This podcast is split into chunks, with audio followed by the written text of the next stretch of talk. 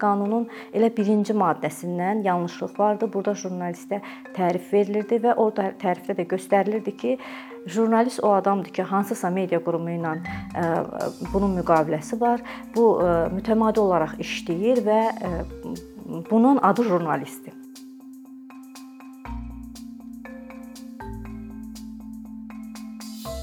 2021-ci ildə e, qəflətən ortaya çıxdı ki, e, Azərbaycanda media haqqında qanun hazırlanır və e, birinci oxunuşu artıq Milli Məclisin birinci oxunuşuna çıxarılanda qanun jurnalistlər bu haqqda məlumatlandırıldı və çox az bir hissəsi mətbuata sızdırıldı. Bundan sonra tələm-tələsik heç bir ictimai müzakirələr keçirilmədən yalnız özlərinin əhatəsində olan, dövlətin nəzarətində olan media qurumlarının rəhbərləri ilə qapalı toplantılar keçirərək bunu 3-cü oxunuşda qəbul etdilər. Yalnız bir deputat Erkin Qədərliyev bu qanuna qarşı çıxdı. Bütün deputatlar yekdilliklə bunu qəbul elədilər və 3 ay ərzində prezident bunu imzaladı. Qanun qüvvəyə mindi. Biz həmin ərəfədə bununla bağlı bir aksiyalar keçirməyə başladıq. Çünki orada qanunun elə birinci maddəsindən yanlışlıq vardı. Burada jurnalistə tərif verilirdi və orada tərifdə də göstərilirdi ki, Jurnalist o adamdır ki, hansısa media qurumu ilə bunun müqaviləsi var. Bu mütəmadi olaraq işləyir və bunun adı jurnalistdir.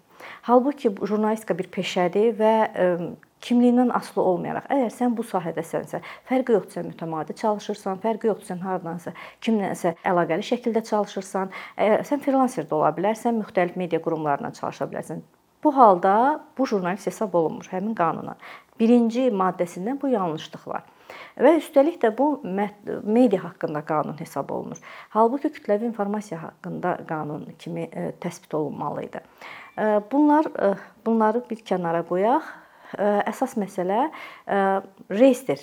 Qanunun içərisində deməli bir media reyestri var idi. İlk öncə bunu belə təqdim eləyirdilər ki, bu sadəcə olaraq qaydaya salmaqdan ötürüdür. İnsanlar qeydiyyatdan keçəcəklər, bilinəcək ki, nə qədər ölkədə media var, nə qədər jurnalist var. İlk öncə belə bir e, yastıq qoymağa başladılar jurnalistlərin başına da və manipulyasiya ilə məşğul oldular. Jurnalistləri e, demək olar ki, tamamilə yanlış məlumat verdilər. Biz həmin ərəfədə bu qanuna qarşı çıxdıq, müxtəlif aksiyalar keçirdik, e, mövqe sənədi hazırladıq, bəyanatlar yaydıq və bildirdik ki, bu qadağalar toplusudur. Bu qanun deyil. Bu ilin sentyabrında prezident həmin media reyestrini təsdiqlədi və ondan sonra bəlli oldu ki, cəmi 6 ay müddətində həm jurnalistlər, həm də media qurumları qeydiyyatdan keçməlidirlər. Burdan hem ki qeydiyyatdan keçirilmədi və məhkəmə yolu ilə həmin media qurumları qapadılacaqdı. Qanunda belə bir o hissəsində belə bir yazılıb ki, jurnalistlər üçün məcburi deyil. Yəni bunlar da e, həmin o məcburi deyil sözündən e, yapışırlar və deyirlər ki, baxın e, jurnalistlər üçün məcburi deyil. İstəyən reyestrdən keçə bilər, istəyən yox. Amma gəlin şərtlərə baxaq. Reyestrdən keçmək məcburi deyil, amma qalan bütün hər şey qadağandır o adama. Yəni sən reyestrdən keçməmisənsə, jurnalist hesab olunmursan. Bunu Əhməd İsmailov özü belə çox belə istehzalı şəkildə mətbuat konfransında da dedi ki, əgər sən reyestrdən keçməmisənsə, deməli jurnalist deyilsən. Bu sözü deyən media Agentliyinin rəhbəridir və qanunda da deyilir ki, məcburi deyil. Məcburi deyil, amma sən bütün imtiyazlardan məhrumsan. Məsəl üçün, gedə bilməzsən heç bir mətbuat konfransına, küçədə sorğu keçirə bilməzsən.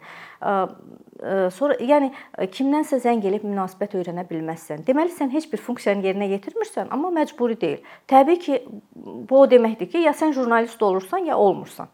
Məcburiyyət əslində bundadır. Amma tamamilə yanlış şəkildə insanları manipulyasiya eləyərək bunu çatdırmağa çalışırlar. Biz niyə e, başladıq e, indi bu aksiyalara? E, çünki 6 ay müddətində ki, media reyestri keçirilməlidir jurnalistlər və media qurumları artıq özləri elan elədilər ki, yanvar ayında Əhməd İsmailov dedi ki, 160 müraciət olunub, onun 120-si keçinib, 40 media qurumu geri qaytarılıb. Bu da 25% deməkdir. Yəni artıq 25% e, rədd cavabı alıb. Hələ e, bir xeyli e, media strukturu var ki, onlar müraciət eləməyiblər, yavaş-yavaş hazırlaşırlar müraciət eləməyə. Mart ayında bu müddət bitir və mart ayından sonra bunlar başlayacaqlar özləri də dedikləri kimi və qanunda göstərildiyi kimi məhkəmələrə müraciət eləyəcəklər həmin saytların və qəzetlərin bağlanması üçün. Biz də buna görə bir kampaniyaya başladıq. İcazəli media istəmirik hashtag altında bir kampaniyaya başladıq. Bizə qədər deməli Venesiya komissiyası belə bir rəy verdi ki, bu qanundan rəy onun rəyi alınmayıb və o bu qanunun razı deyil.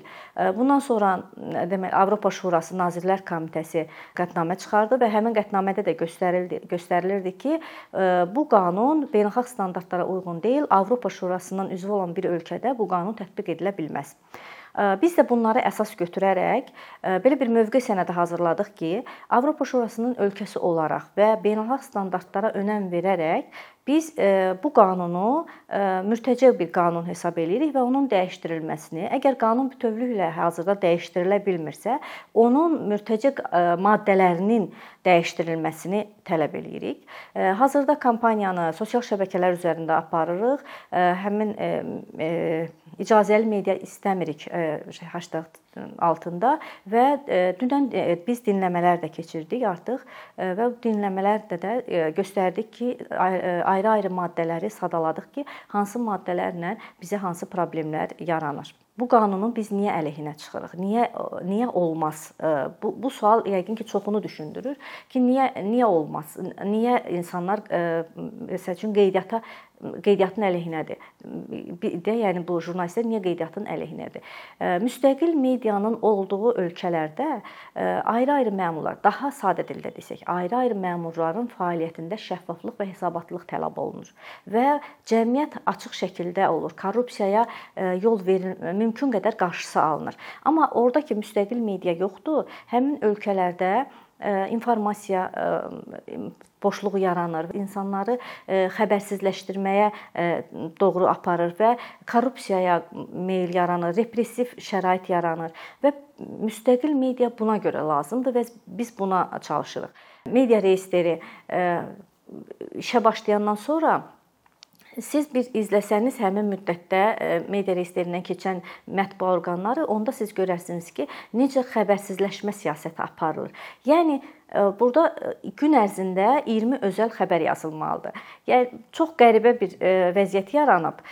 Çünki əvvəl bilirsiniz necə qeydiyyat ümumiyyətlə istənilən sayt açan və yaxud da qəzet açan Ədliyyə Nazirliyindən qeydiyyatdan keçir, domen alır, nəzarətdə olur, vergilərdə qeydiyyatdan keçir. Yəni müxtəlif dövlət orqanlarında qeydiyyata götürülür.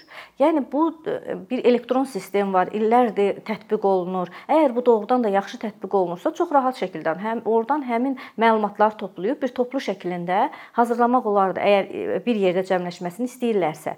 Və media reyestrində bunu toplaya bilərdilər. Media reyestrinin məqsədi sırf nəzarətdir. Çünki artıq yaradıcılığa qarışır və deyir ki, sən gün ərzində sanki plan doldururlar. Gün ərzində 20 material hazırlamalısan və 20 özəl material hazırlamalısınız. Təsəvvür eləyin, pres Azərbaycan boyda kiçik bir ölkədə 20 20 özəl xəbər hazırlamaq çünki tələb olunur və press relizlər özəl xəbərə girmir, özəl xəbərə aid deyil. Prezidentin çıxışından ayrı-ayrı götürüb hansısa bir material hazırlayırsa, bu özəl xəbər deyil, amma hansısa xarici medianın yazdığı xəbəri Google Translate-də tərcümə edib qoyursunuzsa, bu özəl xəbər hesab olunur.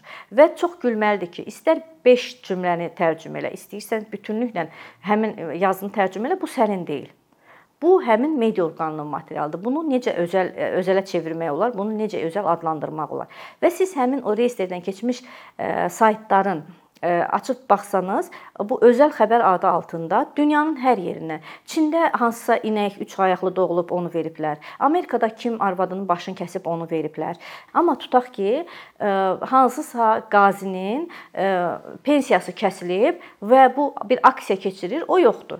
Və yaxud da hansısa bir şəxs polis zorakılığına məruz qalıb, bu yoxdur. Ümumiyyətlə Azərbaycan vətəndaşının problemi həmin saytlarda görünmür. Deməli nədir? Bu xəbərsiz informasiyaçılaşma, kirli informasiyanın yayılması. Yəni sanki informasiya bolluğudur, amma içində əsas xəbərlər, önəmli xəbərlər gizlədilir. Yəni e, bu əhalini belə deyək də informasiyaçılaşdırma mühitinə salır. Nəticədə nə olur? TikTokda gördüyümüz o ə, mənzərə yaranır. Tutaq ki, hansısa bir e, kiminsə məişət məsələsi, kiminsə şəxsi həyatı, televiziya e, televiziya ekranlarından gördüyümüz o mənzərələr var. Başqa kiminsə şəxsi həyatını otururlar, gündəmə gətirirlər, müzakirə edirlər. Bax, o o mühitə yaradırlar və insanlar bir-birinin həyatına müdaxilənin əsas problemindən uzaqlaşdırırlar.